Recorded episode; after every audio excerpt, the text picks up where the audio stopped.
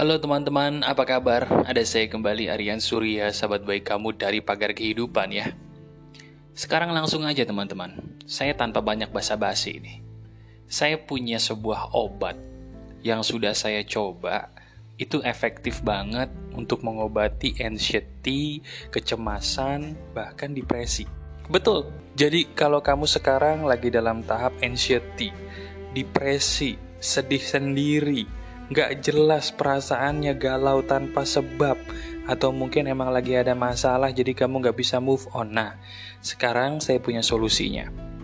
Tapi, ada tapinya nih. Solusinya itu saya akan menggunakan agama. Karena memang saya dari dulu selalu mendalami agama pelan-pelan tapi pasti karena saya yakin betul karena Tuhan itu ada dan salah satu cara untuk menjamah Tuhan dalam tanda kutip itu melalui agama. Nah, oleh karena itu, karena saya sebagai seorang muslim, saya ingin membagikan cara bagaimana cara saya sebagai seorang muslim menenangkan diri secara natural dan alami. Jadi kalau kamu berkeyakinan lain tidak masalah, dengerin aja, ambil benang merahnya dan lakukan dengan cara atau versi keyakinan kamu. Ya, pasti bisa. Kalau saya caranya begini, ini bisa kamu praktekin yang muslim ya. Kamu praktekin sekarang juga bisa. Obat dari perasaan tidak jelas, sedih sendiri, anxiety, dan teman-temannya itu cuma satu, teman-teman. Apa itu, Mas? Jadikan Tuhan sebagai sahabat terdekatmu satu-satunya. Saya ulangi dulu, ini bagian depannya nih, nanti saya jelasin caranya. Jadikan Tuhan sebagai sahabat terdekat kamu satu-satunya. Jadikan Allah sebagai sahabat terdekat kamu satu-satunya. Nah, caranya gimana, Mas? Kalau kita sebagai seorang Islam, seorang Muslim, cara kita mendekatkan diri kepada Allah adalah dengan apa? Betul, dengan ibadah yang bernama sholat. Nah, sekarang coba deh kamu praktekin. Ketika azan, dengerin, ketika azan, kamu langsung segera ambil air wudhu. Saya ulangi ya, azan nih, azan apa pun, subuh, zuhur, asar, maghrib, isya. Begitu azan, kamu langsung ke kamar mandi atau ke tempat wudhu ambil air wudhu. Ketika azan itu selesai, kamu langsung sholat. Langsung sholat tapi jangan buru-buru, pelan-pelan kamu nikmati setiap gerakannya. Ketika kita sholat tepat waktu di awal waktu, percaya atau enggak, bisa kamu uji, itu membuat kita happy tanpa alasan, tenang tanpa alasan, damai tanpa alasan, bahkan kadang-kadang yang maha kuasa ngasih bonus. Bonusnya apa? Masalah hidup kita kelar, pelan, tapi pasti. Ini harus dicoba sekali lagi. Kalau kamu tidak mencoba, kamu hanya akan berkata, "Masa sih? Masa sih ya?" Coba dulu. Ketika kita sholat awal waktu, itu sebenarnya secara ilmiah bisa dijelaskan loh, kenapa itu efeknya sangat powerful buat kita. Saya jelasin ya, karena mungkin nggak ada yang ngejelasin, jadi seolah-olah kamu orang yang cinta dengan ilmu pengetahuan logis agak sedikit kurang yakin gitu. Saya jelasin penjelasan ilmiahnya. Sederhana. Gini, saya mau tanya dulu sama kamu, termasuk kamu yang bukan orang muslim ya, saya mau tanya, kamu pernah nggak sih penasaran kenapa ya kok orang Islam itu kalau waktu azannya, waktu sholatnya itu di tiap daerah beda-beda? Pernah nggak kamu sebagai seorang muslim bertanya gitu, kenapa ya kok azan di Jakarta sama di Papua beda waktu zuhurnya? Kenapa ya kok azannya di Jakarta sama di Melbourne, Australia beda waktu zuhurnya? Kenapa harus beda-beda sih mas jamnya? Kenapa nggak disamain aja? Jawabannya sederhana, dan ini penting kamu tahu.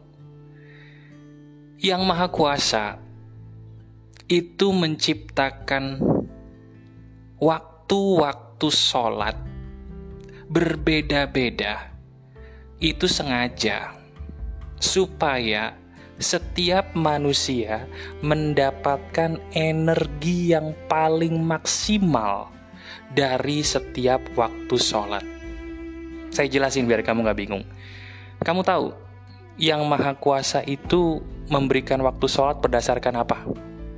Berdasarkan pergerakan bumi, matahari, dan bulan ketika matahari, bumi, dan bulan membentuk sebuah sudut beberapa derajat, di situlah tercipta waktu sholat yang sesuai.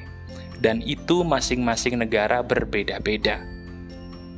Jelas ya? Nah kenapa? Kenapa waktu sholat itu Mas Aryan bilang kita harus melakukan sholat di awal waktu? Jawabannya sederhana. Ketika kita baru masuk waktu sholat, alam semesta itu mengeluarkan energi yang masih seger-segernya buat kita serap. Saya ulangi, ketika azan itu berkumandang, itu kan baru masuk sholat, waktu sholat tuh. Ya, azan zuhur baru masuk zuhur, azan subuh baru masuk subuh, dan seterusnya.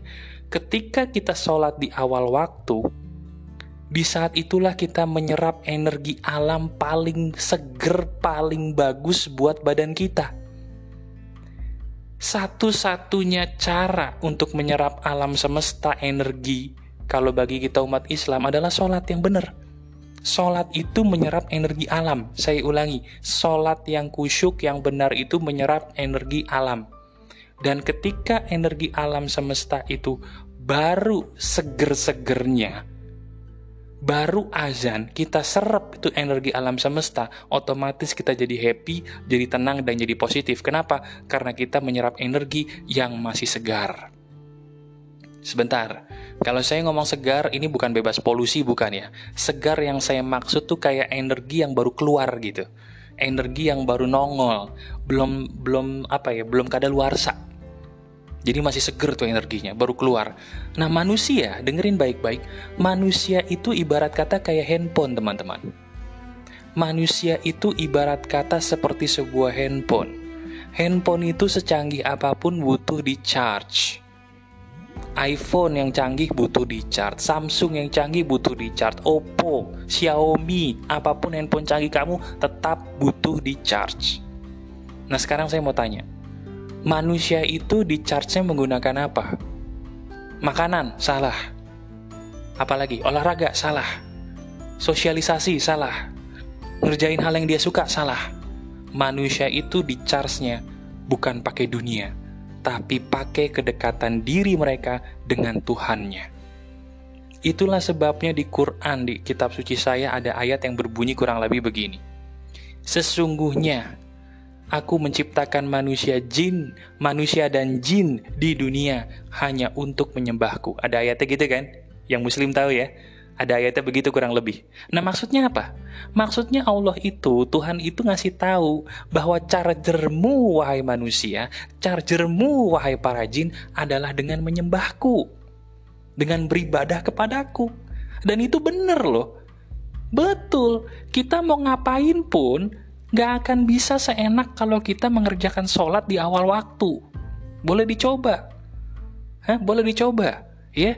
Jadi ketika kita sholat di awal waktu, selain kita menyerap energi dari semesta yang masih virgin, masih seger, masih baru keluar gitu ya, kita juga mendekatkan diri kepada Tuhan lebih awal. Jadi otomatis kita dapat dua nilai plus. Kita menyerap energi alam yang kita butuhkan, bagus buat diri kita secara energi. Yang kedua, kita deket sama Tuhan kita, yang mana itu fitrahnya manusia harus deket sama Tuhannya. Sehingga apa yang terjadi? Betul kita ke lagi. Yang tadinya kita jadi pengen marah nggak jadi pengen marah. Yang tadinya kita kesel jadi mulai-mulai bisa hilang keselnya. Yang tadinya kita mungkin pengen berbuat maksiat jadi berkurang gitu niat maksiatnya dan seterusnya. Nah pertanyaan berikutnya gini, mas maaf nih, tapi kenapa ya nggak semua orang yang ahli ibadah itu sifatnya benar, Mas? Maaf ya, mungkin kita pernah ngeliat gitu, teman kita sendiri, kelihatannya maaf banget nih, wah religius apa pun agamanya gitu ya. Tapi kok ternyata di balik layar perilakunya lebih buruk daripada orang yang tidak religius. Itu gimana tuh mas penjelasannya? Jawabannya itu karena dia memilih untuk begitu, bukan salah ibadahnya. Teman-teman, saya kasih tahu, hidup itu pilihan. Sehebat apa pun ibadah kamu, kalau sekarang juga kamu mau berbuat jahat, mau berbuat maksiat, bisa nggak?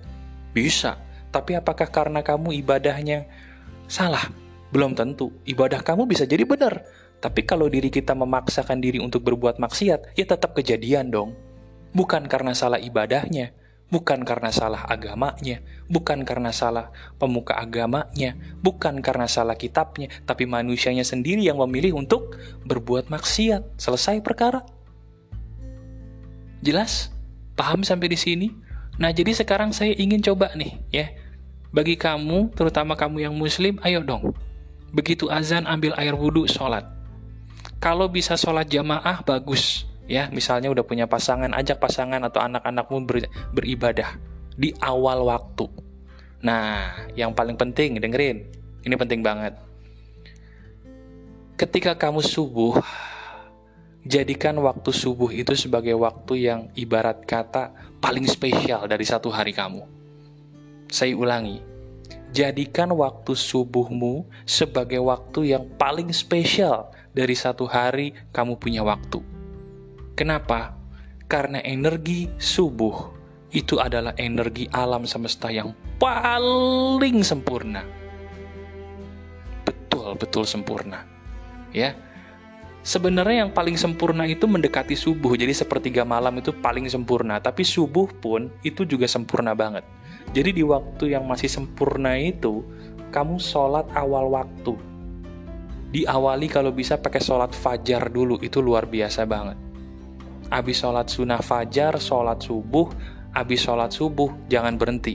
Ngapain mas? Sedekah subuh pakai cara yang saya ajarin di pagar kehidupan.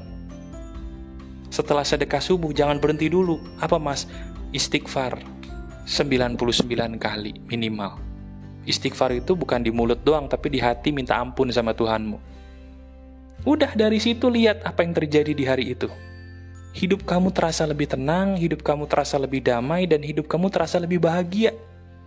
Psikologi kamu bisa jadi normal dengan sendirinya tanpa perlu obat apa pun, tanpa perlu kamu mungkin pergi ke mana pun. Cobain dulu deh trik saya ini. Ini yang menyembuhkan saya loh dari dulu. Dan saya ingin kamu pun bisa melakukan ini.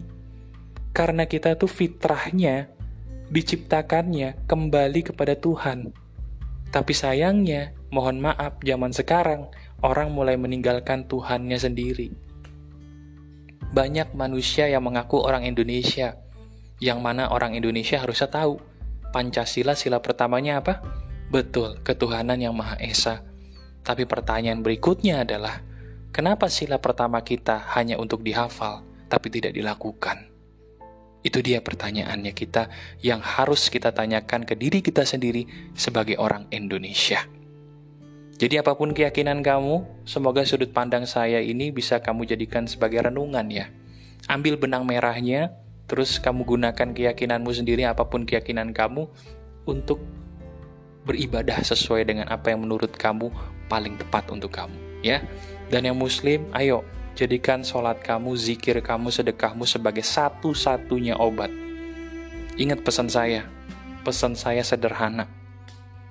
Tuhan itu ada, dan Dia itu adalah charger hidup kita sebagai manusia. Pilihannya di tangan kita sendiri. Kita mau ngecharge batin kita, jiwa kita, ruh kita nggak dengan kembali ke Tuhan? Atau kita malah mau meninggalkan Tuhan? Sementara selama ini, Tuhan sudah manggilin kita dengan azannya setiap hari. Renungkan ini ya, ini benar dan sudah saya uji coba. Masih ada saya, Aryan Surya, sahabat baik kamu selalu dari pagar kehidupan. Tetap keep the spirit, keep sharing, and keep loving.